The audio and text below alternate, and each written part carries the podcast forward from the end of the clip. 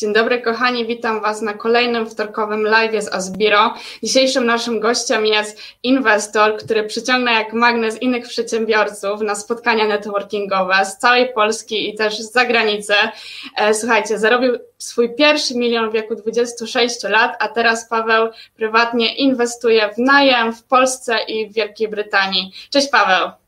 Witam serdecznie wszystkich.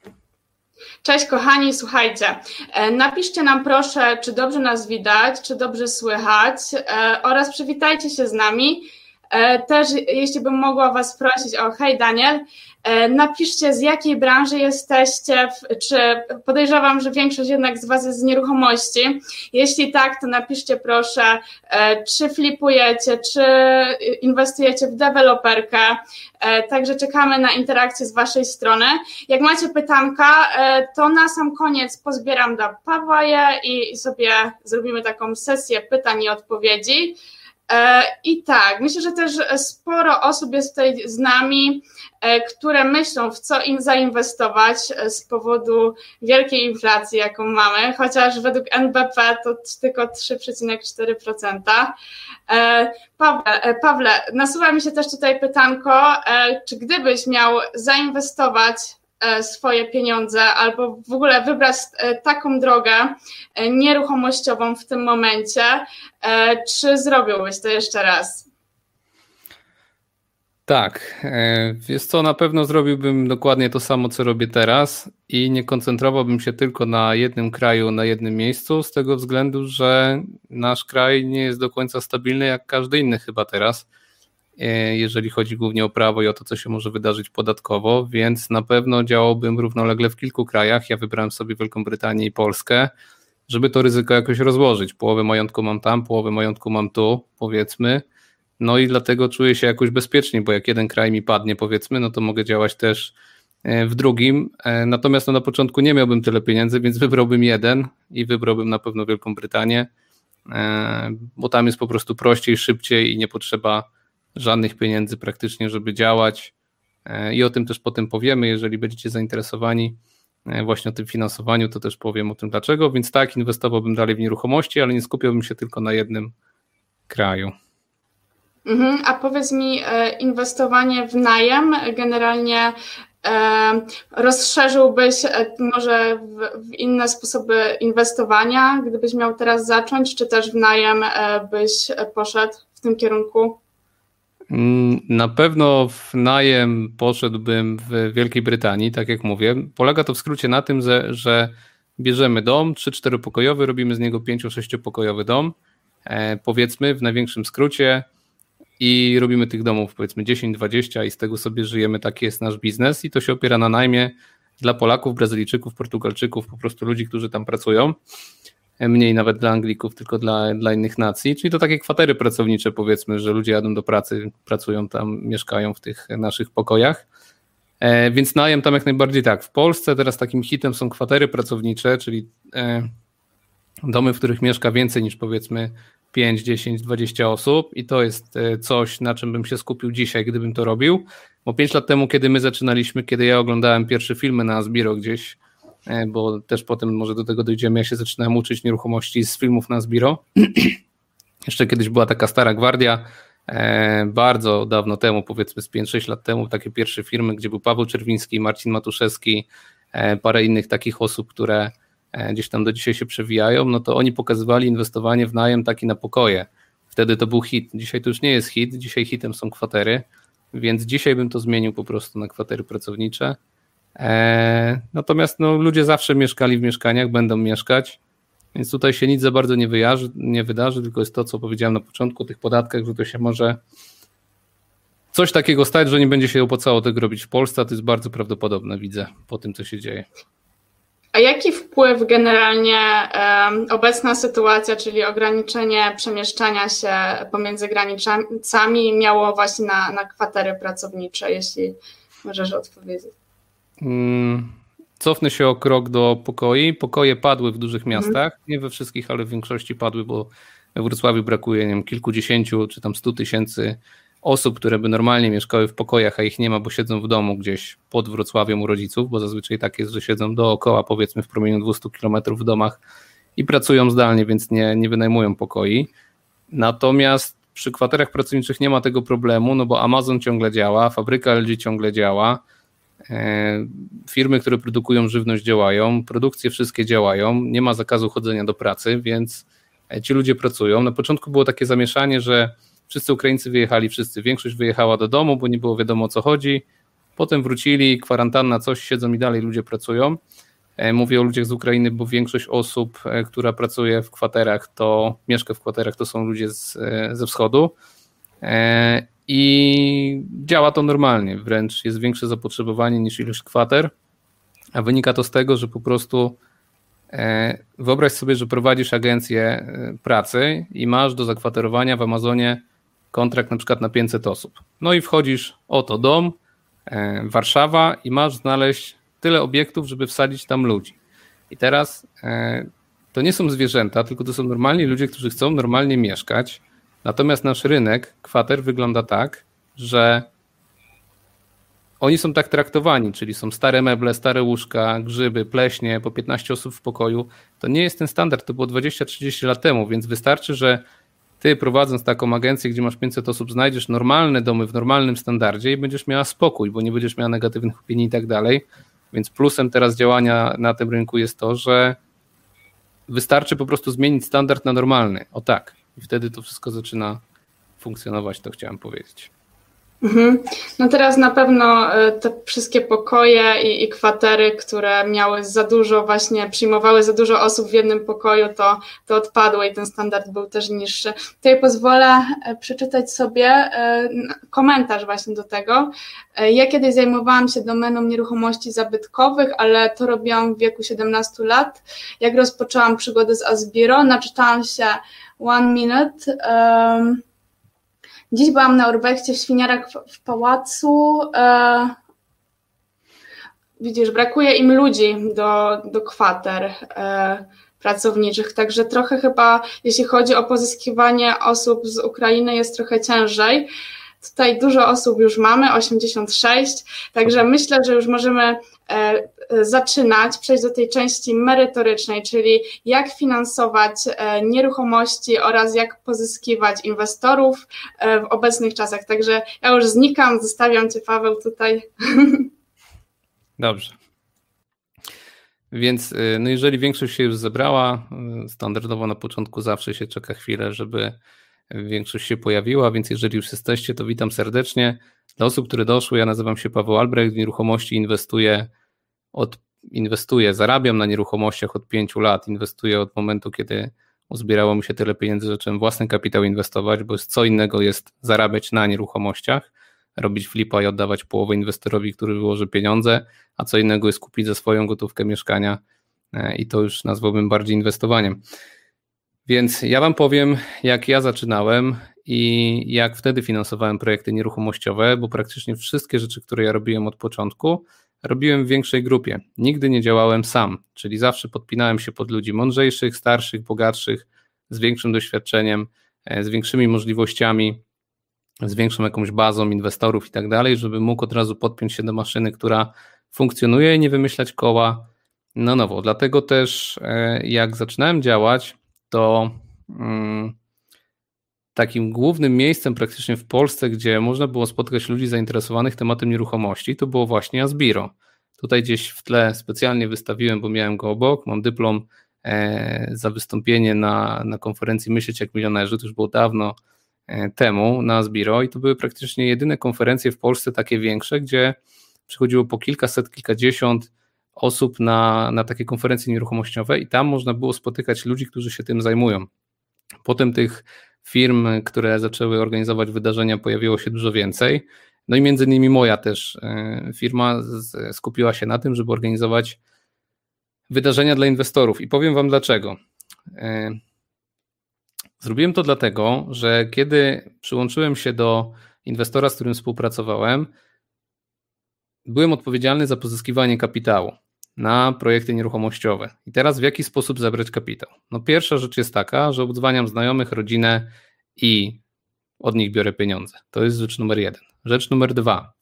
Jak się skończy rodzina i znajomi z kapitału, to z kapitałem, to wtedy Przechodzę do internetu. Nie było w internecie grup po 10-15 tysięcy osób, nie było szkoleń, gdzie były grupy szkoleniowe po 500, po 1000 osób. E, profil Asbiro nie miał e, kilkunastu czy kilkudziesięciu tysięcy subskrypcji, tak jak te nasze wszystkie nieruchomościowe, te topowe kanały i e, no ciężko było po prostu gdzieś wrzucić jakiegoś posta. Facebook też nie był jeszcze tak do przodu, YouTube też nie, żeby złapać tych inwestorów. Więc królowały wtedy takie drobne spotkania internetowe, takie drobne webinary, powiedzmy jak ten, ale nie, że jest nas setka, tylko że jest nas tam 10-15 osób. I mozolnie mnóstwo ludzi robiło te malutkie spotkania, zaczynało wtedy tworzyć, przychodziło po 20-30 osób stacjonarnie i budowało się z, te, z tego bazę mailingową. Wysyłaliśmy wtedy maile do ludzi, no i teraz wyobraźcie sobie sytuację taką, zbieramy 10 milionów złotych na, e, na projekt i na, w bazie mailingowej mamy na przykład 800 ludzi, z czego pieniądze ma może z 30, a trzeba zebrać 10 milionów. Zebrałem 10 milionów, no i dostałem z tego prowizję. No i pytanie, co dalej?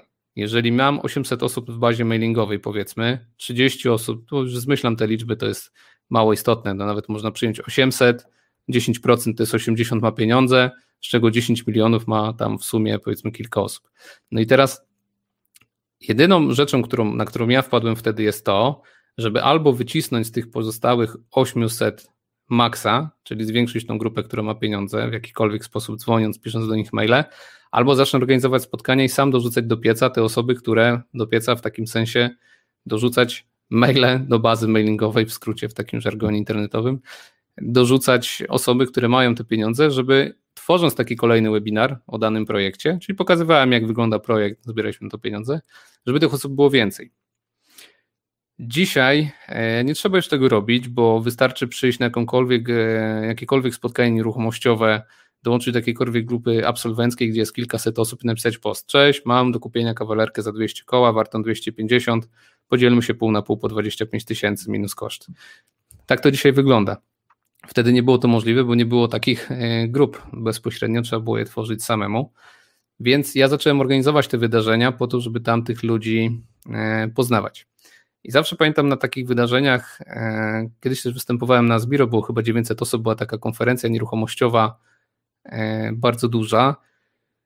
I nie wiem, czy już wtedy tam to mówiłem, ale na późniejszych, dużych takich konferencjach po tysiąc osób, zawsze jak występowałem na scenie, mówiłem, że te czasy, kiedy mamy tyle osób na sali, nie będą trwały wiecznie, ale broń Boże nie miałem na myśli żadnej pandemii, bo nikt nie myślał o czymś takim.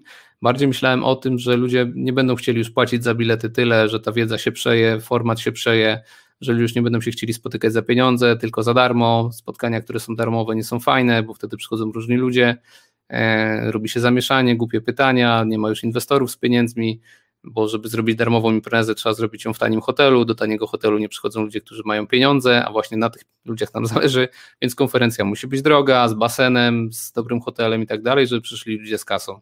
Mieli gdzie zaparkować, gdzie spać i wypocząć, bo nie będą poświęcali weekendu na dwugwiazdkowy hotel gdzieś tam, e, nie wiadomo gdzie. Więc e,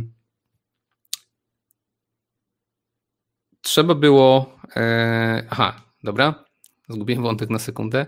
I na tych konferencjach wtedy e, mówiłem, że nie, takie wystąpienia nie będą trwały wiecznie, tak? Czyli, że to nie będzie tak, że my co miesiąc, co dwa będziemy robili takie e, duże konferencje i wtedy trzeba było na nie chodzić, kiedy one kosztowały kilkaset złotych, brać w nich udział, nawet występując, jeżeli była taka możliwość, i poznawać wszystkich możliwych e, prelegentów, inwestorów, którzy są na sali.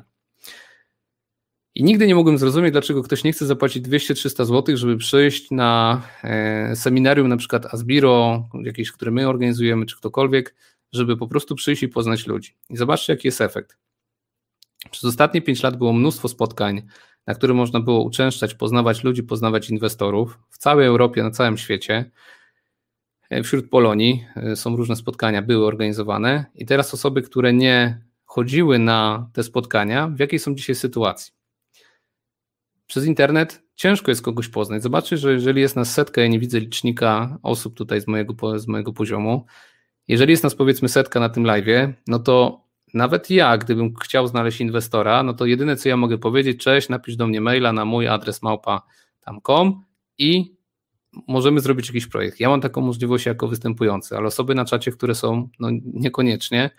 Więc jedyna forma dzisiaj pozyskiwania inwestorów to są po prostu grupy na Facebooku, no bo tych spotkań nie ma, więc e, no duży, duży minus dla osób, które nie chodziły wcześniej na spotkania networkingowe, śmiały się z nich. No i teraz widać, kto miał rację, dlaczego warto było chodzić. Więc tak mniej więcej w skrócie wyglądała moja historia.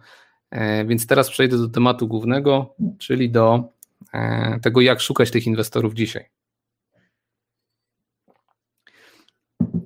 Jeżeli nie mamy spotkań stacjonarnych, a inwestorów poznaje się przede wszystkim na spotkaniach stacjonarnych, no to musimy skupiać się na internecie, no i na, o nim będziemy teraz rozmawiać, żeby z internetu fizycznie wyciągać ludzi na rzeczywiste spotkania i tam ich poznawać. Zanim dojdziemy jednak do samego finansowania, powiem o tym, że nieważne jest o tyle miejsce, w którym szukamy inwestora, bo jeżeli mamy projekt nieruchomościowy, który się spina finansowo, to pieniądze znajdziemy zawsze. Czyli 99% początkujących inwestorów skupia się przede wszystkim na cenie transakcji, czyli na kwocie, a to jest tylko jeden z parametrów tego, czy transakcja się uda, czy nie. Mieszkania można nabywać w ratach z odroczonym terminem płatności, można meble sfinansować w IKEA na przykład e, ratami, można pieniądze pożyczyć, można wziąć kredyt hipoteczny, inwestycyjny, mieć spółkę pół na pół z inwestorem i tak dalej. Jest dużo różnych kreatywnych metod finansowania, ale one wszystkie mają sens tylko i wyłącznie wtedy, kiedy będziemy mieli taki projekt, który się rzeczywiście dobrze opłaca. I przyjęliśmy kiedyś, e, tak powiedzmy w środowisku nieruchomościowym, że żeby zrobić flipa, musi być z niego minimum 30 tysięcy złotych. Więc jeżeli mamy pozyskać pieniądze e, na flipa nieruchomościowego, no to musi wyjść minimum 3-4 dychy, żebyśmy się mogli z inwestorem podzielić pół na pół. Właśnie po to jest to 30-40 tysięcy złotych, żeby warto było w ogóle to robić i zbierać na to kapitał. Bo ktoś, kto nam ma, ma pożyczyć 400 tysięcy złotych, no musi zarobić chociaż 20-30 tysięcy, żeby się zgodził ten swój kapitał mm, zainwestować. I żeby przekonać takiego inwestora do tego, żeby z nami współpracował, musimy przede wszystkim przedstawić dane w odpowiedni sposób. Czyli musimy pokazać jakiś kalkulator, z którego wynika, że za tyle kupujemy, za tyle remontujemy, tyle kosztuje PCC notariusz i tak to będzie wyglądało przed, tak będzie wyglądało po. Ja się będę zajmował tym, ty się będziesz zajmować tym, masz się podpisać tu. W tym czasie, w tym terminie robią to te osoby podatki takie, to takie, ubezpieczenie takie. Wszystko musi być przedstawione w jedną paczkę. Jak to jest profesjonalnie przedstawione, to wtedy nie ma problemu z pozyskaniem mm, pieniędzy.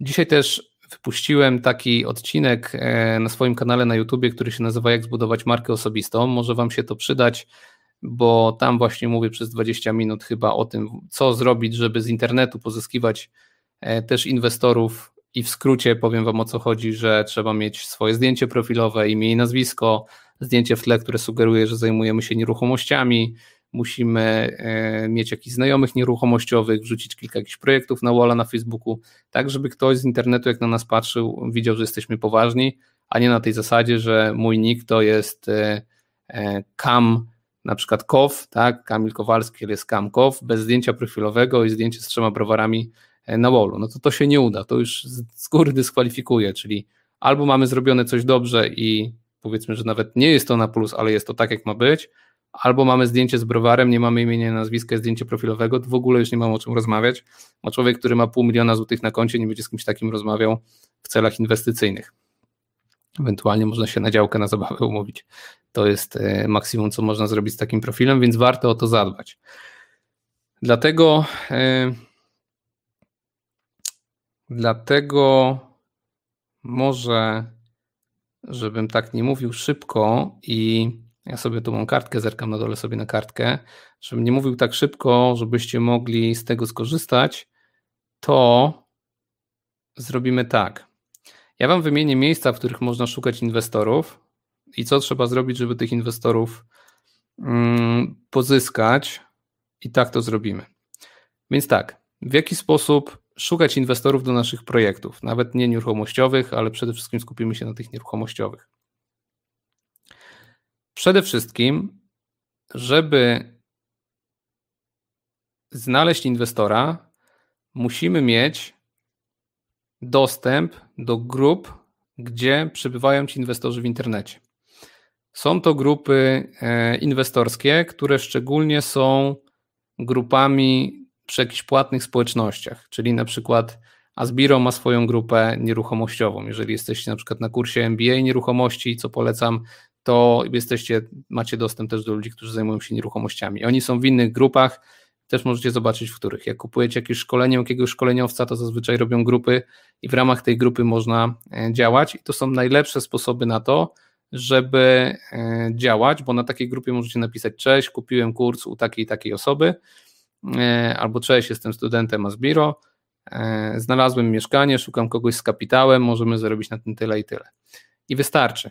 Tylko, tak jak powiedziałem wcześniej, musimy mieć zdjęcie na Facebooku, zdjęcie dobrze profesjonalnie zrobione, imię, nazwisko i jakąś powagę wzbudzać w tym, że warto z nami zainwestować większe pieniądze, bo ta osoba będzie nas widziała na Facebooku, no i to jest jedyne, co widzi, imię, nazwisko, zdjęcie i to, co robimy. Więc grupy na Facebooku, te nieruchomościowe, to jest to i płatne grupy. Nie szukajcie inwestorów na grupach e, takich, gdzie jest po kilkanaście, kilkadziesiąt tysięcy ludzi, ludzie są bez profilówek, bez zdjęć, bo to nie zadziała, to po prostu nie będzie miało efektu. Będą się odzywali do Was ludzie, którzy z ciekawości będą chcieli sobie popisać. Wy macie znaleźć jednego, dwie osoby, które ma na koncie milion, dwa i po prostu będzie wykładać pieniądze na obracanie tym kapitałem. I to jest e, najważniejsze. Czyli tak, grupy na Facebooku to jest jedna rzecz. Druga rzecz, jeżeli jesteście w takich grupach, przynajmniej u nas coś takiego się dzieje, no i to jest, to jest mniej więcej coś takiego, co się dzieje teraz na Asbiro. Zobaczcie, że ja e, jako osoba inwestująca w nieruchomości, jako przedsiębiorca, zostałem zaproszony do tego, żeby wystąpić, powiedzieć coś o swoich doświadczeniach. Mamy, nie widzę liczby osób, powiedzmy setkę osób, i dzięki temu ja mówię do Was, i mogę powiedzieć i przekierować was wszędzie, gdzie będę chciał. Jeżeli się zgodzicie tam wejść, to tam wejdziecie i mam do was kontakt, tak? Czyli mogę napisać na przykład, napiszcie do mnie prywatnie na Facebooku w takiej, w takiej sprawie, jeżeli uważacie, że to, co robię, ma sens, tak? I zrobimy projekt razem. I wtedy to ma najbardziej. Hmm, największy efekt właśnie ma wystąpienie, pokazanie się jako ekspert w jakiejś dziedzinie e, i zebranie potem właśnie całego towarzystwa z tego miejsca i wpraszanie się powiedzmy do takich miejsc właśnie jak Asbiro, jakieś nasze wystąpienia, wystąpienia innych szkoleniowców. U nas w grupach też absolwenci regularnie występują albo występowali. Mamy kilkadziesiąt tych, tych już y, ponagrywanych mm, wystąpień, więc jak ktoś się nowy pojawi, który coś zrobi, to prosimy, żeby wystąpił, no bo inaczej słucha się osoby, która zrobiła flipa, a inaczej takiego, który zrobił 100 flipów. I to jest najlepsza rzecz, którą możecie zrobić do tego, żeby pozyskiwać inwestorów, tak, budować swój autorytet. Ale nie jest to proste, bo nie da się napisać do, powiedzmy, do Asbiro, cześć, Albrecht powiedział na, na live u was, że się można wprosić, to mnie zaproście. No trzeba mieć coś do powiedzenia, więc trzeba mieć jakieś wyniki. Jeżeli chcecie pozyskiwać finansowanie na nieruchomości, to trzeba się jakoś e, też e, wykazać. Więc możecie tutaj zastosować coś takiego, jeżeli nie macie doświadczenia, to podpiąć się pod kogoś, tak jak ja zrobiłem kiedyś, kto już flipuje, działa, czy prowadzi biznes, jeżeli chcecie nie finansować nieruchomości, tylko coś innego, i występować w roli osoby, która zbiera kapitał, ale mówi: Słuchajcie, ja jestem pracownikiem na etacie, czy tam na działalności, szukam e, kapitału. Ten kapitał jest do wykorzystania z Pawłem Albrechtem, tak? I ja u niego pracuję. Czyli podpinacie się pod moją markę na przykład. Ja to mówię przykładowo podpinacie się na przykład pod moją markę i wtedy robimy razem ten projekt w trójkę, inwestor, ja i ty i dzięki temu ty znajdziesz tego inwestora, bo on wie, że on działa ze mną, a ty zdobędziesz wiedzę, doświadczenie, jedną trzecią na przykład udziałów e, w danym flipie, tak? Tak to może wyglądać. Czyli mm, po pierwsze, grupy na Facebooku, po drugie, prowadzenie w tych grupach webinarów i live'ów i w tych społecznościach. Po trzecie, pisanie success stories. My na przykład na stronie mamy taką zakładkę e, na pawłalbrecht.com success stories. Mamy historie ludzi tekstowe, często z filmami, o ludziach, którzy zarobili jakieś pieniądze. Na przykład ja na Zbiro poznałem Marcina Zakrzewskiego. E, wielokrotnie występował na Zbiro w ramach e, prelekcji o inwestowaniu w garaże i Marcin e, też u nas miał success story już dawno, dawno temu i dzięki temu ludzie się też do niego częściej odzywali, więc e, to jest super sprawa. Jeżeli coś zrobicie, spisać to, wrzucić do internetu i wtedy jak ktoś wygoogluje wasze nazwisko, to trafi na wasz artykuł na jakiejś znanej stronie społecznościowej, takiej budującej społeczność, na przykład naszej, czy gdzieś na Asbiro i macie możliwość wtedy mm, pokazania się jako ekspert, jakichś zdjęć przed, po i to najbardziej pomaga. Jakby miałbym wymienić dwie rzeczy w internecie, które pozwalają pozyskiwać inwestorów, to są grupy na Facebooku, prowadzenie webinarów, tak jak ja prowadzę, e, i nie musicie być super profesjonalni. Ja nie mówię, że ja dobrze występuję. Mogę mówić za szybko, e, czy coś, tak? E, chodzi mi o to, że jeżeli będziecie naturalni i wyniki, które będziecie pokazywali, e, będą dobre, to nie do końca ma znaczenie to, w jaki sposób będziecie na początku to przedstawiać, bo i tak ktoś się znajdzie, kto będzie chciał z wami współpracować, więc nie musicie się stresować poziomem występowania publicznego. Miałem na myśli to, że ja już zrobiłem kilkaset prezentacji różnych, więc mi jest prościej odpalić kamerę i mówić e, sam do siebie, do ekranu, natomiast nie musicie się tym stresować, to nie jest najważniejsze. Najważniejsze jest to, żeby powiedzieć to, co macie szczerze do powiedzenia. E, kolejna rzecz. Mm. Grupy, webinary na tych grupach, success stories tekstowe, e, wywiady, których możecie gdzieś udzielać, ale to już naprawdę ktoś Was musi zaprosić. I e, Wasze działania, które prowadzicie na swoich profilach, na Instagramie, na Facebooku, na YouTubie, to są gdzieś rzeczy, które przyciągają ludzi. Natomiast dzisiaj jest tak dużo kontentu, że jeżeli nie wbijecie się do jakiejś istniejącej społeczności, mojej, Asbiro, gdziekolwiek, no to ciężko już Wam będzie się przebić z takim zwykłym filmikiem, bez subskrybentów, bez niczego. Jest to naprawdę ciężko budować od zera, więc lepiej się pod kogoś podpiąć i tutaj sugeruję e, podpinać się pod Asbiro i, i w ramach tych grup Asbirowych e, działać i rozmawiać z ludźmi na uczelniach. Fajne jest też to, że Asbiro też jak prowadzi zajęcia, no to można na nie chodzić, stacjonarnie się spotykać, no bo to jest e, uniwersytet, uczelnia, więc to jest na, na bardzo duży plus. Więc podsumowując, jeżeli teraz nie możemy spotykać się stacjonarnie e, we wszystkich branżach, to najważniejsze jest to, żeby dołączyć do tych grup i na tych grupach pisać: Cześć, jestem z Wrocławia, kto z Was jest z Wrocławia? Chodźcie, pójdziemy na strzelnicę, chodźcie, pójdziemy na kokardy, chodźcie, pójdziemy na skłosza, chodźcie, pójdziemy coś tam. Zbierzcie jakąś grupę, po prostu idźcie z nimi e, nawet na domówkę i dzięki temu będziecie mogli. Sorry się zagadałem. I dzięki temu będziecie mogli tych ludzi na żywo poznać i tam się wykazać. I jeżeli już znajdziecie ludzi, którzy mają pieniądze, to trzeba się w profesjonalny sposób zaprezentować i mieć profesjonalnie przygotowaną prezentację. Takich rzeczy, jak to zrobić, e, jak się to robi profesjonalnie, do tego służy Akademia Sourcingu. Widzę, absolwentów mamy na czacie też jest i Mateusz, e, jest i Kuba. Mm. Na Akademii Sourcingu pokazuje, w jaki sposób wyszukać okazję, znaleźć okazję, e, zaprezentować dane, jak to przedstawić inwestorowi i na Akademii są też inwestorzy. Tylko na tą stacjonarną Akademię też trzeba poczekać, bo tego e, dzisiaj na razie nie możemy zorganizować, natomiast po to został stworzony na przykład ten kurs, żeby można było dowiedzieć się, w jaki sposób te dane przedstawiać. Więc jak tego kursu na razie, znaczy kurs online'owy jest, ale stacjonarnie nie możemy się spotkać, to ja Wam powiem w skrócie, jak to powinno wyglądać, żeby przedstawić profesjonalnie dane. Po pierwsze, imię, nazwisko, porządny mail, porządne zdjęcie, to znajdziecie w tym filmie na YouTubie, który dzisiaj wylądował o 18, jak zbudować markę osobistą, to sobie obejrzyjcie. Jak będziecie mieli to gotowe, to wtedy nieruchomość, którą znajdziecie, musicie umieć policzyć, ile pieniędzy ona będzie generowała z najmu, lub ile, za ile ona zostanie sprzedana, żebyśmy mogli e, obliczyć zysk, który wyjdzie z tej nieruchomości. Jeżeli wyjdzie Wam zysk powyżej 30-40 tysięcy złotych, to wtedy możecie wystartować do jakiejś osoby i powiedzieć: Słuchaj, tak jak mówiłem już wcześniej, mam nieruchomość za 300 tysięcy, wyremontujemy ją za 50 tysięcy, do zarobienia będziemy mieli 40 tysięcy, czyli sprzedamy za 390, już tam pomijam na razie koszty, podatki.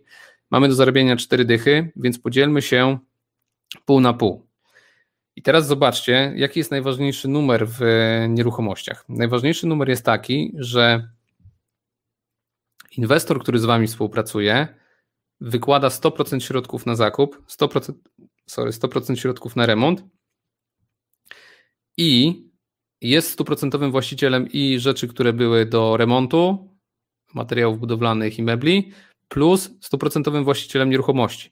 Więc jeżeli ja działam z jakimś inwestorem i mi się coś stanie, przestanę odbierać telefon, wyjadę na rok do Australii, to ta osoba zostaje z wyremontowanym mieszkaniem kupionym poniżej ceny rynkowej, które może sama sobie sprzedać. Finalnie, tak? Poprosić jakiegoś pośrednika, czy samemu to sprzedać, więc jest w 100% zabezpieczona ta osoba. Dlatego prosto pozyskuje się kapitał na nieruchomości, bo na nieruchomościach nie da się stracić, jeżeli kupuje się je z głową w normalnych lokalizacjach, w normalnych e, blokach, nie sypiących się kamienicach. Jeżeli ktoś jest początkujący, niech nie dotyka kamienic, tylko normalne bloki z cegły, ewentualnie z płyty i bloki deweloperskie. I dzięki temu e, inwestor kupuje to na siebie, wy przeprowadzacie remont za jego pieniądze i dzielicie się pół na pół. I dlatego to działa, dlatego tak się finansuje projekty nieruchomościowe. E, w Anglii na przykład e, działa się w ten sposób, że żeby kupić nieruchomość, trzeba mieć zdolność kredytową i 25% wkładu własnego na buy to let, czyli kupuję, żeby wynająć.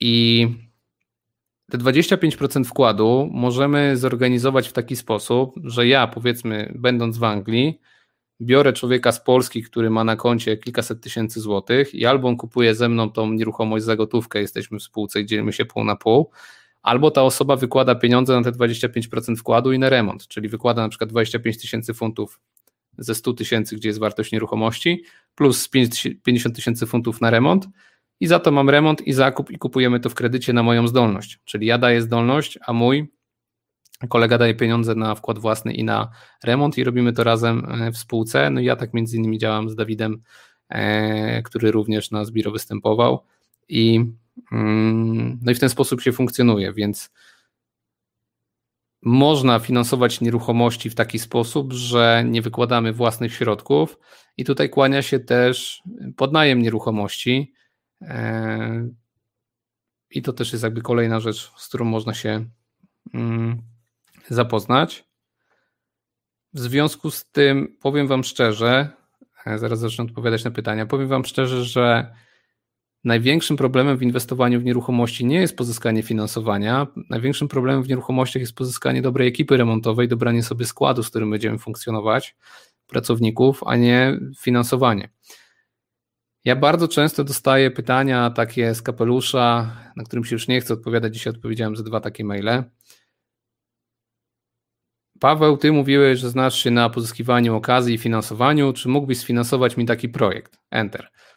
Mam działkę gdzieś tam pod, gdzieś czymś tam w środkowej wiosce w Polsce i chcemy postawić dom, coś tam. Słuchajcie, inwestorzy nie wchodzą w rzeczy, że ktoś gdzieś coś gdzieś ma. To ma być normalny budynek w mieście, najlepiej klasy A, gdzie wszyscy to znają, gdzie jest lotnisko, ktoś ma jakieś pojęcie o tym mieście, jak to wygląda i wtedy nieruchomości e, inwestorzy wchodzą bez problemu w takie projekty, a nie, że ktoś ma działkę 200 km od Warszawy, gdzieś na Mazurach, chce coś postawić, bo ma gdzieś dom bez czegoś. To nie są projekty, które się prosto finansuje. Prosto finansuje się normalną kawalerkę, normalne mieszkanie dwupokojowe, e, normalne mieszkanie 50-70 metrów, które jest w normalnym mieście, w normalnej okolicy. Tak się finansuje nieruchomości, a nie mówimy tutaj o jakichś takich dziwnych projektach, które jest bardzo ciężko sfinansować. Więc jeżeli macie normalne mieszkanie na najem na flipa, no to mm, bez problemu pozyskać inwestora. Grunt to dopisać się po prostu do grupy inwestorskiej i pamiętajcie, że jeżeli Asbiro będzie organizowało jakiekolwiek wydarzenia, to Wy nie jesteście na sali po to, żeby słuchać prelegentów, to jest ważne, ale nie jesteście tam po to, jesteście tam po to, żeby poznać ludzi, którzy przyszli posłuchać tego prelegenta. Prelekcje są tylko pretekstem do tego, żeby się spotkać. Oczywiście one są ważne na początku, jeżeli idziesz pierwszy raz i w życiu nie słyszałeś, nie słyszałaś na przykład pana profesora Andrzeja Blikle, który na Zbiro wiele razy występował, no to nie wyobrażam sobie, że się go nie słucha, co on ma do powiedzenia. Natomiast jeżeli już słyszysz 50 raz, co ktoś mówi na dany temat, e, no chociaż nawet myślę, że pan profesor by mówił coś 50 raz, to i tak warto siedzieć i słuchać, to jesteście po to, żeby rozmawiać z tymi ludźmi na sali, żeby na przyszłość mieć kontakty, z którymi będziecie mogli inwestować. Więc to jest taka sprawa. Odpowiem na pytania może, które się pojawiły. Sebastian pyta, co powinna zawierać dobra umowa współpracy 50 na 50? Dla mnie jako gościa, co ogarnia znalezienie mieszkania, remont, sprzedaż. Wiesz co, na Akademii Sourcingu mam taki wzór umowy z Sorcerem i wzór umowy z Flipperem e, i wzór umowy z inwestorem. To są trzy różne umowy. No i w takiej umowie jest zawarte to, na co się umawiacie, co będziecie wyszukiwać, e, w jakim stylu powiedzmy robicie remont, w jakich lokalizacjach, ile to powinno trwać, co jak się coś wysypie i tak dalej, i tak dalej. Więc generalnie wzór umowy możesz sobie nabyć przystępując na Akademię Sourcingu, ale w skrócie na kartce wygląda to tak, że ja to ja, ty to ty, umawiamy się na to, że kupujemy nieruchomości o metrażu na przykład do 35 metrów we Wrocławiu, nie w dzielnicach takiej, takiej, takiej i takiej, szczególnie w dzielnicach takiej, takiej i takiej, zakup nie droższy niż do 220 tysięcy, remont nie droższy niż do iluś tam tysięcy, wszystko nie później niż w okresie 6 miesięcy i to jest nasz cel. No i tam jaki sąd, gdzie, co, ewentualnie w ramach sporów, tylko ta umowa jest tak naprawdę do niczego niepotrzebna. To jest tylko takie spisanie takich ustaleń na kartce, tak, że ktoś chce na to spojrzeć, zobaczyć, ktoś jest wzrokowcem, E, gdzieś tam się boi, zaawansowani inwestorzy nie podpisują ze sobą takich umów. Masz mieszkanie za 180 tysięcy we Wrocławiu, które możemy sprzedać za 240, to je kupujemy, sprzedajemy bez remontu i nie ma czasu na podpisywanie jakichś tam papierów, bo one są do niczego niepotrzebne, bo zobacz, co się dzieje.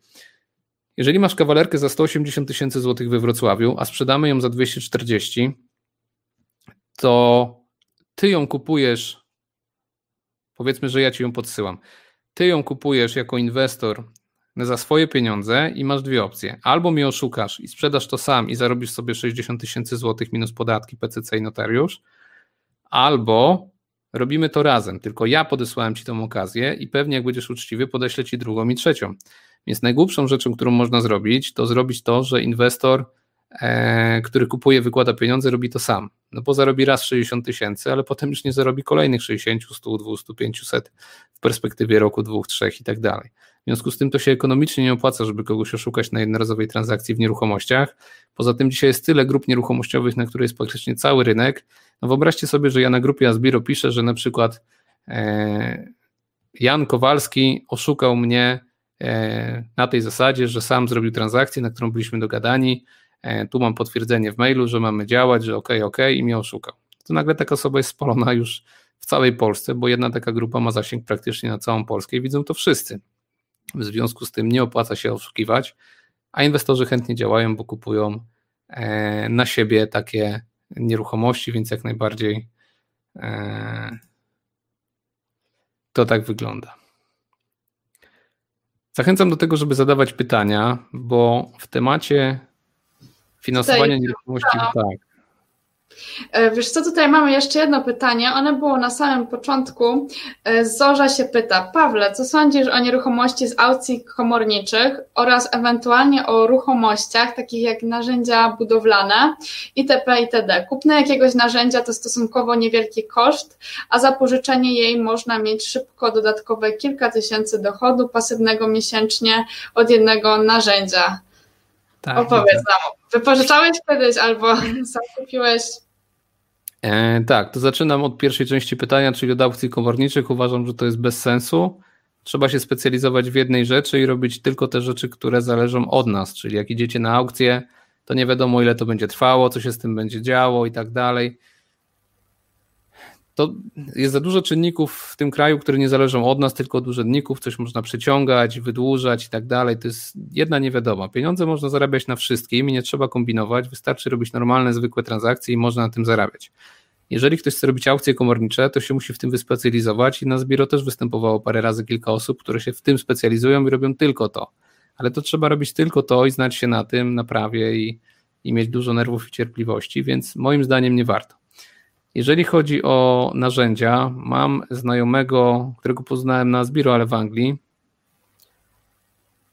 On przychodził potem na Zbiro, poznałem go nieważne gdzie wcześniej. Natomiast e, ma taką bardzo dużą firmę, która jest taką firmą jak Uber w narzędziach, czyli na przykład ktoś chce wynająć e, koparkę, żeby sobie wykopać dołek na ogródku, no to po prostu wchodzi w apkę, klika chcę koparkę tutaj, za taką cenę, koparka przyjeżdża, płaci, ściąga z karty i ktoś zarabia na wynajmie takich narzędzi, ale to jest aplikacja, która jest na cały Londyn czy tam Wielką Brytanię, zarabia na tym mnóstwo pieniędzy, natomiast no, to jest normalny biznes, który ta osoba prowadzi, tak żeby się bawić w wynajmowanie jakiegoś tam jednego czy dwóch narzędzi Dodatkowo myślę, że to jest bez sensu. Lepiej skupić się na czymś takim jak na przykład kwatery pracownicze, ogarnąć sobie 5 kwater, każda będzie zarabiała 5 tysięcy, ma się 25 tysięcy złotych miesięcznie, nie trzeba się bawić w, w jakieś pożyczanie mebli, e, czy tam narzędzi, czy czegokolwiek innego, więc myślę, że na nieruchomościach można tyle zarobić, że nie warto się bawić w takie rzeczy pojedyncze.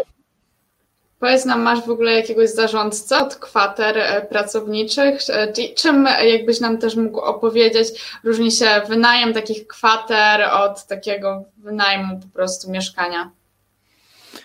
Okej. Okay. Po pierwsze, ja nie robię nic sam i nigdy nie wpadłbym na pomysł, żebym mógł robić coś sam, więc e, mam zarządców i do mieszkań, i do kwater swoich, więc ja się tym nie zajmuję, no bo jaki jest sens prowadząc dużą firmę, robić coś, za co ktoś może wziąć 10 czy 15 czy 20% i to robić i ściągać nam cały problem z głowy, więc wszystko się oddaje na zewnątrz prowadząc firmę, moim zdaniem, e, co można oddelegować. Jaka jest różnica pomiędzy kwaterami a najmem zwykłym? Najem na pokoje to jest coś takiego, my na to mówimy na naszych szkoleniach, że w naszych mieszkaniach mieszka młoda, sympatyczna, pracująca umysłowo osoba. Czyli to są osoby, które po prostu pracują, nie są studentami, i normalnie chodzą do pracy, pracują, są sympatyczne, tak? Bo jak właścicielowi mówimy, kto tam będzie mieszkać, to taka grupa.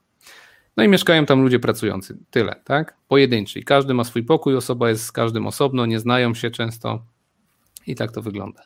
Natomiast kwatery pracownicze to jest sytuacja, w której mamy albo mieszkanie, albo dom i prawidłowo jest to zrobione tak, prawidłowo, bo ci, którzy robią to nieprawidłowo i, i mówią, że to nie działa, to robią to inaczej. Prawidłowo jest tak, że mamy umowę z jedną osobą, z jedną firmą czy agencją, która wprowadza nam kilkanaście, kilkadziesiąt osób swoich i my rozmawiamy tylko z jedną osobą.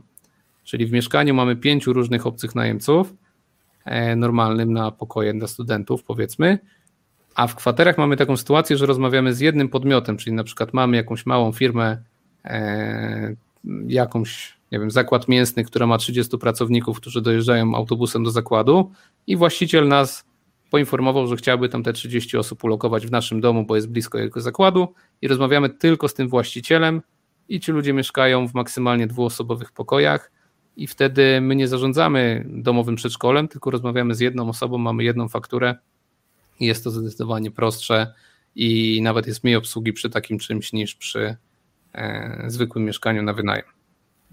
A jakie mogą być takie błędy e, początkujących, jakbyś mógł rozwinąć? W kwaterach? Można się najwięcej, no, najbardziej przejechać, ile to kosztuje. E, w kwaterach problem jest po pierwsze taki, że to są duże obiekty i często w domach, więc jeżeli ktoś nie ma pojęcia o tym, o budowlance, nawet powiedzmy taka prosta sprawa, że ktoś nie umie zauważyć, że gdzieś jest grzyb, albo jest mokro, albo że ogrzewanie nie działa, no to naprawdę można wtopić, no bo remont domu jest od nie wiem, 1000 do 500 tysięcy złotych, tak, w zależności jaki jest obiekt, co trzeba zrobić, więc tu można mocno popłynąć, to jest pierwsza rzecz. E, druga rzecz to jest to, że ludzie, którzy robią kwatery, wsadzają tam więcej niż dwa łóżka. To jest błąd, bo to każdy się dziwnie patrzy na te kwatery, bo myślimy, że to są budowlańcy, którzy mieszkają 16 osób w jednym pokoju. To są normalni ludzie, którzy tam pracują, jeżdżą do pracy, mieszkają po dwie osoby E, i mają zapewniony normalny standard, więc to mm, tak wygląda. I nie ma praktycznie możliwości, żeby na czymś wtopić, jeżeli ktoś to robi prawidłowo, no bo prawidłowy sposób jest taki, że najpierw znajdujemy najemców, potem znajdujemy dom i potem go wyposażamy, a nie na tej zasadzie, że ja usłyszałem, bo Albrecht powiedział gdzieś na webinarze, że robimy kwatery, to najpierw znajdę dom, a potem się zastanowię, czy znajdę ludzi. Wtedy tracimy pieniądze. I tak jest ze wszystkim, czyli zaczynamy zawsze od końca. Najpierw klient docelowy, czyli najemcy, potem dom i potem dopiero zarabiamy sos na tej zasadzie. W ten sposób mówisz. Tutaj e, jeszcze mam takie pytanko tutaj akurat z naszej strony z Asbiro. E, jakie konkretnie e, polecasz strony, grupy nieruchomościowe? Takie, gdzie właśnie są stricte do wymieniania się okazjami czy pozyskiwania inwestorów? Na pewno tą grupę, którą e, ktoś od Was wkleił na czacie, czyli tą grupę Asbiro Nieruchomości. E, mamy też w Polsce społeczność mieszkanicznika, mamy społeczność naszą Albrecht o nieruchomościach. E, Tylko my mamy grupy zamknięte różne. Mamy grupę absolwentów warsztatów z remontu, są tylko ludzie remontowi. Mamy grupę ludzi z kwater pracowniczych, ponad 500 osób, że są tylko i wyłącznie ludzie z kwater. Jeżeli ktoś chce zacząć w biznesie kwater, no to po prostu pisze, czy ktoś mu pomoże znaleźć najemców, dom i tak dalej. Tam się wszystko dzieje, wystarczy tam przyłączyć. Mamy grupę warsztatów zbudowania majątku, też są tam tacy ludzie, wymieniają się okazjami, kapitałem. Tam jest najwięcej inwestorów w Polsce w tej grupie e, i ona też jest zamknięta gdzieś tam po naszym szkoleniu.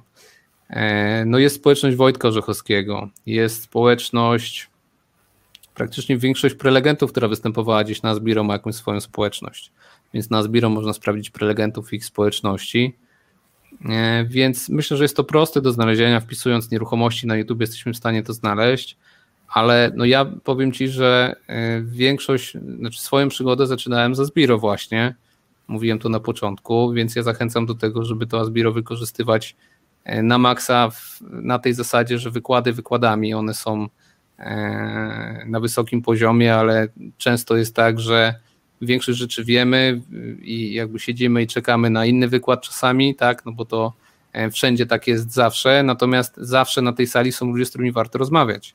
Więc to jest tak, że my nie jesteśmy po to na uczelni, żeby być na wykładach wszystkich i siedzieć i, i zawsze być zaangażowani w 100% na wykładach, bo to jest niewykonalne. Tak byśmy sobie mogli tego życzyć, ale Wiadomo przecież, że to wygląda inaczej, e, ale my jesteśmy tam w 100% po to, że Asbiro skupia ludzi, którzy chcą coś ze swoim życiem zrobić.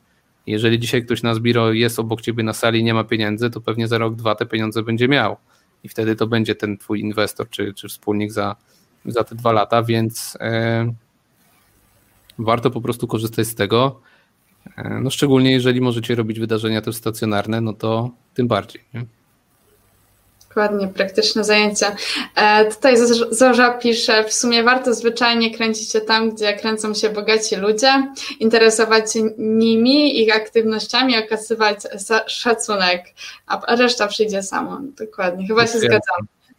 Potwierdzam, ja też miałem kiedyś taką dyskusję, może znowu zabrzmi jak głupek, ale no e, tak to wygląda kiedyś dyskutowaliśmy gdzieś na jakimś live, czy jakimś gdzieś tam na jakiejś grupie o podróżach, że ja nie lubię spać w hostelach, nie lubię spać w namiotach, nie lubię spać tam, gdzie jest powiedzmy biednie, tak? Czyli jak jadę gdzieś, to chcę spać w 4-5 gwiazdkowym hotelu, no bo po to całe życie zarabiałem, żeby tak robić.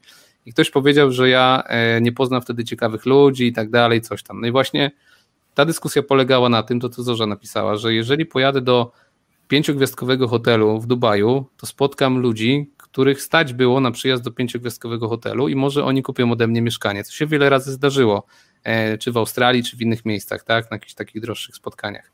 Jeżeli będę spał w hotelu dla backpackersów, to nie poznam inwestorów, poznam fajnych ludzi, z którymi się fajnie napiję i będzie super i będę miał przyjaciół na całe życie, ale jeżeli szukamy inwestorów, to musimy, tak jak Zorza napisała, być w miejscach, gdzie ci ludzie z pieniędzmi się pojawiają, czyli to są droższe hotely, droższe hotele, droższe imprezy nieruchomościowe, droższe imprezy dla przedsiębiorców, jakieś targi motoryzacyjne.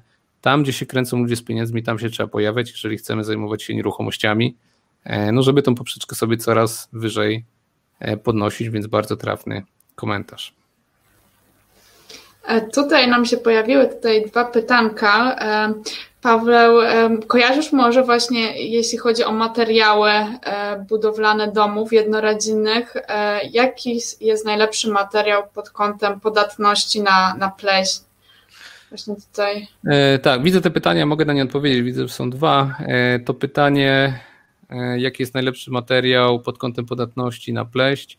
Wiesz co, ja się na tym nie znam, szczególnie dlatego, że tych materiałów jest tak dużo.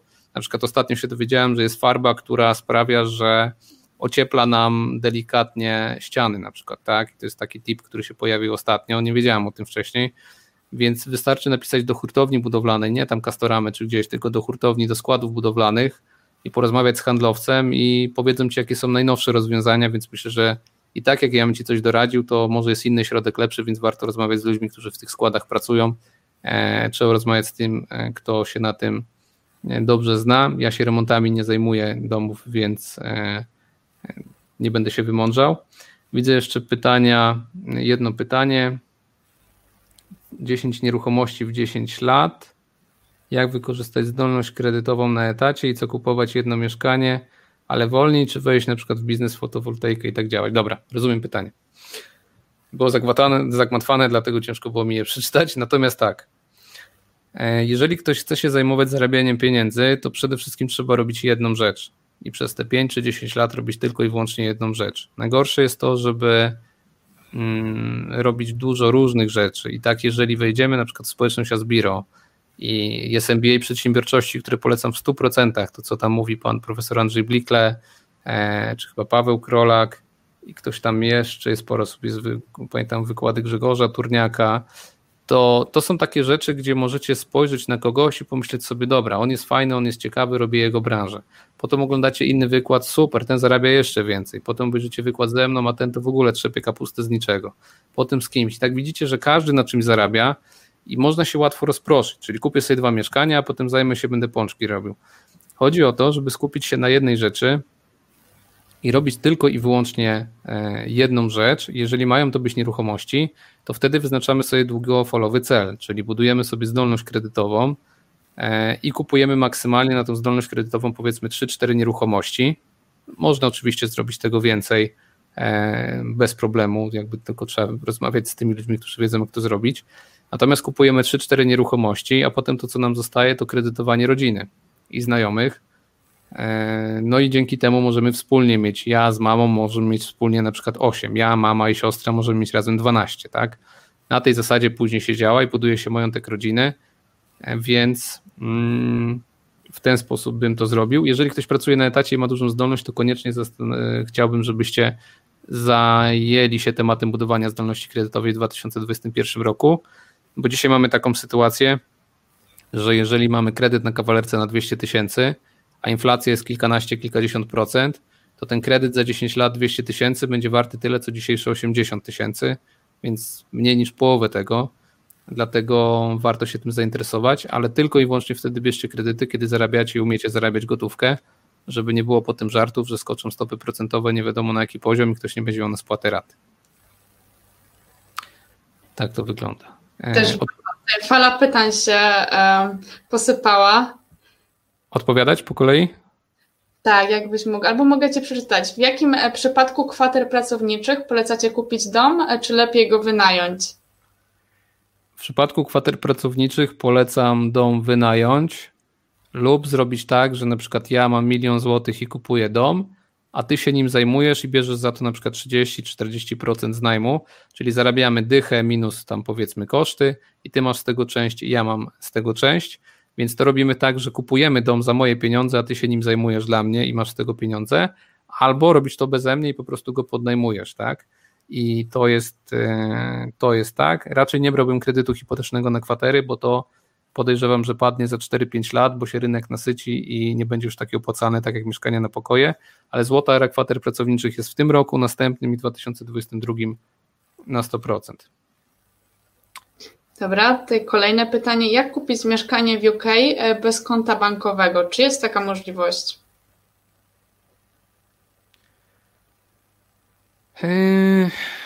Ciężkie pytanie.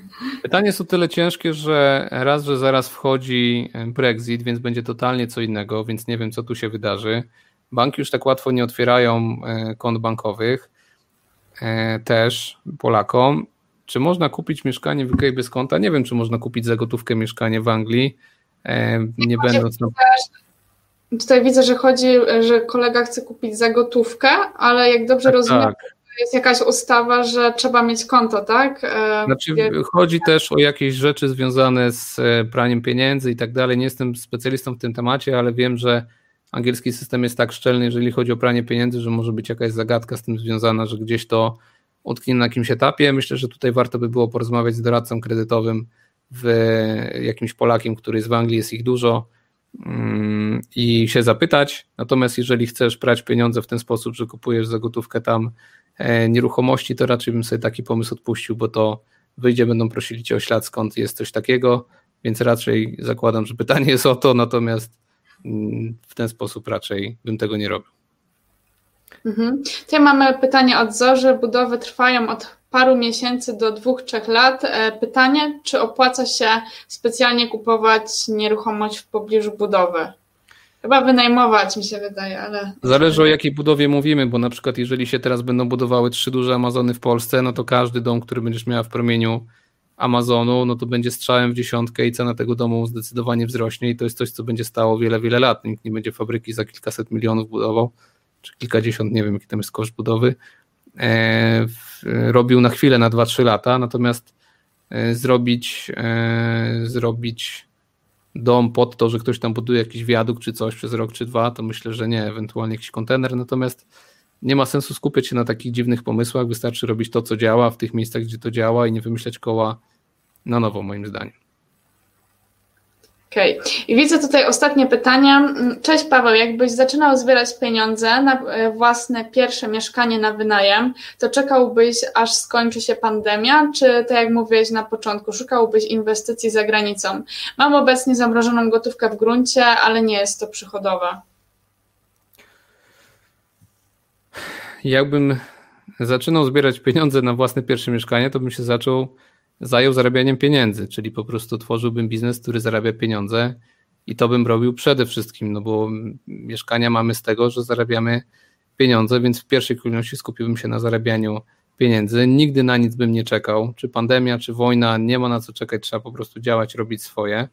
Więc e, tutaj chodzi tylko i wyłącznie o zarabianie pieniędzy. Tu nie ma czegoś takiego, że znajdziesz złotą inwestycję, która odmieni twoje życie i będziesz miał nie wiadomo jaką stopę zwrotu i żył tylko z najmu. Tu chodzi o to, żeby zarobić pieniądze, bo powiedzmy sobie jedną rzecz, nieruchomości nie są do zarabiania pieniędzy, nieruchomości są do odkładania zarobionych pieniędzy właśnie w nieruchomości, dlatego yy, skupiłbym się na zarabianiu pieniędzy. To właśnie Zorza nam odpowiedziała odnośnie tej nieruchomości, odnośnie budowy, że mieli na LG budować halę, a wystraszyli się koronawirusa i chwilowo jest wstrzymane. Dokładnie. Że odnośnie właśnie mhm, nie wiadomo w, co, w, którym, w którym kierunku pójść. E, I teraz ostatnie pytanie. E, Mieczek zapytał się, e, czy otworzyłbyś biznes w 2021 roku? Chyba chodzi o to pytanie, co, co zadałam Ci na samym początku. Czy wszedłbyś jeszcze raz w biznes nieruchomości? Tak. E, no słuchajcie, albo pracujemy, albo nie robimy nic, albo pracujemy na etacie, albo otwieramy własną firmę. Najwięcej pieniędzy zawsze zarobimy otwierając własną firmę. E, natomiast no nie każdy jest gotowy do tego, żeby taką firmę otworzyć, bo to naprawdę nie jest proste. Trzeba naprawdę wiele rzeczy wiedzieć, umieć i to jest naprawdę bardzo trudne i pracuje się cały czas. Tak? No, większość z Was skończyła pracę, znaczy w społeczności Zbiro dużo osób pracuję cały czas, tak? Właśnie to jest ten plus, natomiast no, to jest też część mojej pracy, jest 20, ja dalej pracuję, więc to nie jest tak, że się otwiera firma i pieniądze z nieba e, spadają, to wystąpienie to jest część mojej pracy, gdzieś pokazywanie się w internecie, budowanie społeczności wokół siebie, więc e, to nie jest takie proste czasowo, natomiast otworzyłbym biznes wtedy, kiedy miałbym sprawdzony schemat, sposób, wiedział co robić, i jak najbardziej nie szedłbym w nieruchomości, tylko szedłbym w e-commerce. Po prostu e-commerce tak wystrzeli teraz w Polsce, że można zbić na tym grube miliony i zacząłbym się szkolić w marketingu internetowym i w e-commerce, a pieniądze zarobione z tego pakowałbym w nieruchomości. Okej, okay, tutaj jeszcze jedno pytanko e, do Ciebie. Co sądzisz o wynajmie hal i magazynów? Sądzę, że to jest jeszcze lepszy temat niż kwatery pracownicze i że to jest najlepszy temat do zarabiania pieniędzy w najbliższych latach, natomiast jest to temat e, dla odważnych, z dużym kapitałem, z, z dobrym myśleniem biznesowym i jest to, e, jest to na pewno duży plus, więc to o tym sądzę. Dobra. Tutaj ostatnie pytanko akurat do mnie. E, cześć, czy live będzie zapisany? Tak, zapisujemy live, także będzie dostępny potem. E, myślę, że już na dzisiaj zakończymy. Słuchajcie, jeśli byście mieli pytania, to słuchajcie, Paweł się u nas pojawi 10 kwietnia na Asbiro. E, też Paweł ma swoje spotkania, także jeśli chcecie się spotkać, Paweł, kiedy macie jakieś kolejne, bo online teraz robicie? E, no spotkania na przykład z kwater pracowniczych odbywają się, całe szkolenie jest nagrane online, dostęp do grupy jest, można się z ludźmi spotykać, wymieniać kontaktami. Najbliższe zaplanowane spotkania mamy na koniec stycznia, warsztaty zbudowania majątku i taki kurs Never Work Again. E, więc część kursów mamy online'owe, część kursy mamy e, już pod koniec stycznia gdzieś tam zaplanowane. Natomiast no ja z całego serca polecam, jeżeli są ludzie, którzy Wy macie, powiedz mi, studia licencjackie, tak? Licencjackie i podyplomowe, no, dwa w jednym. Czyli powiedzmy, że jeżeli ktoś skończył szkołę średnią i nie był na studiach nigdy, to nie ma żadnego najmniejszego sensu, żeby iść na normalną, zwykłą uczelnię dzisiaj, kiedy zajęcia są online. No bo wystarczy włączyć YouTube'a i dowiedzieć się więcej z YouTube'a niż to, co ma profesor do powiedzenia e, w tym zakresie, bo będzie wam czytał tylko książkę.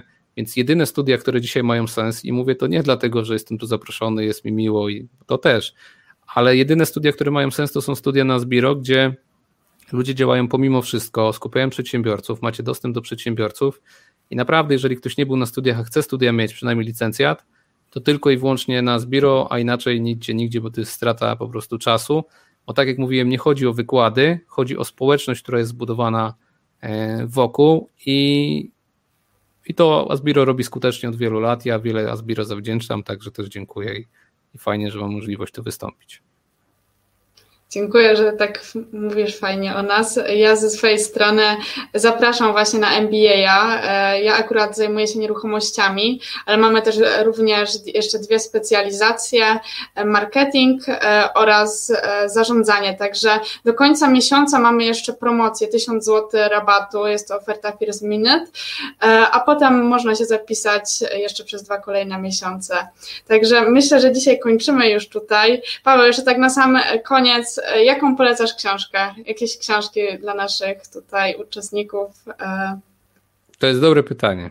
Powiem Wam no. tak, wszystkie te książki, które ja tutaj mam, przeczytałem, a mam ich jeszcze z 10 razy więcej w biurze. E, my stworzyliśmy księgarnię internetową z książkami biznesowymi i większość z tych książek to jest książki są polecane, które ja widziałem gdzieś na Zbiro w ogóle, tak?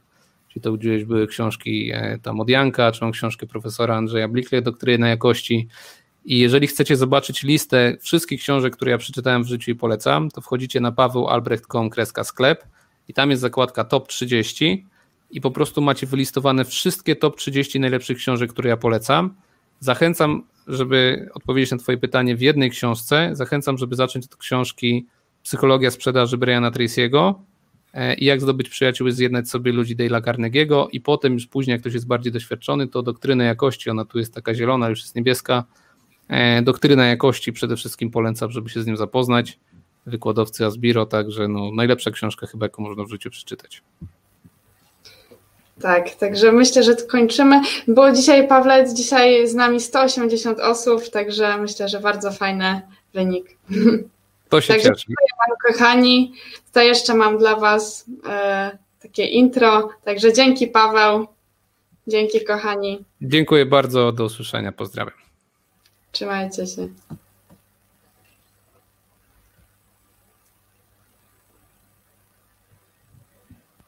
No tak, czekaj, może. Nie wiem, czy. Mhm.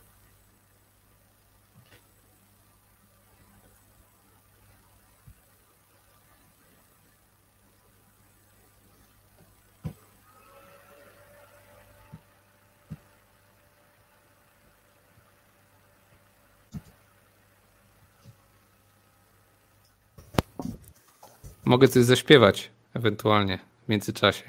A co byś chciał? A to jeszcze jesteśmy na żywo, wiesz? Jeszcze na żywo. No. Tutaj pokażę jeszcze atmosferę, jaką mamy na, na Asbiro. Ostatnio właśnie robiliśmy takie filmiki i myślę, że naprawdę super wyszło. Także zobacz jeszcze Paweł ze mną. Atmosfera świetna, świetni ludzie.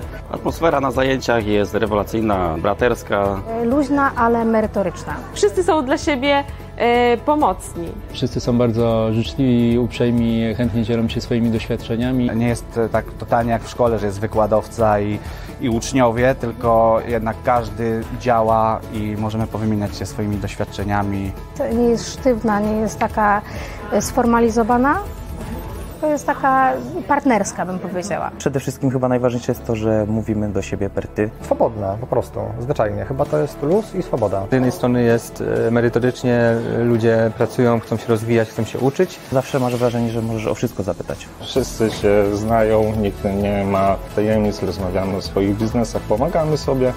A z drugiej strony jest wesoło, jest śmiesznie. Ktokolwiek tutaj już po jakimś pierwszym zjeździe czy po jakimś wyjeździe integracyjnym widzi, że tutaj się na to nastawiamy wszyscy wspólnie. Tu są ludzie tylko tacy, którzy chcą tutaj autentycznie być, których nikt do tego nie zmusza i właśnie to nas jakby trzyma i scala ze sobą. Jest nastawienie na te nowe kontakty i na ten networking. Przynajmniej na MBA nieruchomości wszyscy są z jednej branży, z nieruchomości, no to doskonale rozumieją case'y, z którym nieruchomościowcy się spotykają na co dzień. Patrząc na to, że jakby jesteśmy trochę konkurencją dla siebie, poniekąd, tak, bo jak kilka osób z jednego miasta, no i zabiegamy powiedzmy o te same nieruchomości, no to mimo wszystko atmosfera jest rewelacyjna. Super klimat, naprawdę. No, polecam każdemu przyjść, zobaczyć.